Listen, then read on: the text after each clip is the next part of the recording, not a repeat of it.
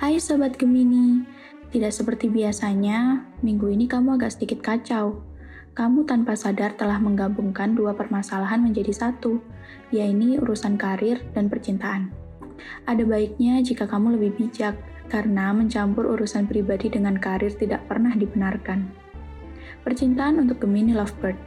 Perbedaan pendapat pasti selalu ada. Maka dari itu, Saling menghargai perbedaan pendapat akan lebih menambah perspektifmu terhadap suatu hal. Untuk sobat Gemini yang masih single, sebelum ada dia juga hidupmu baik-baik aja kan? Jadi lebih baik pergi jika dia tak kunjung memberikan kepastian.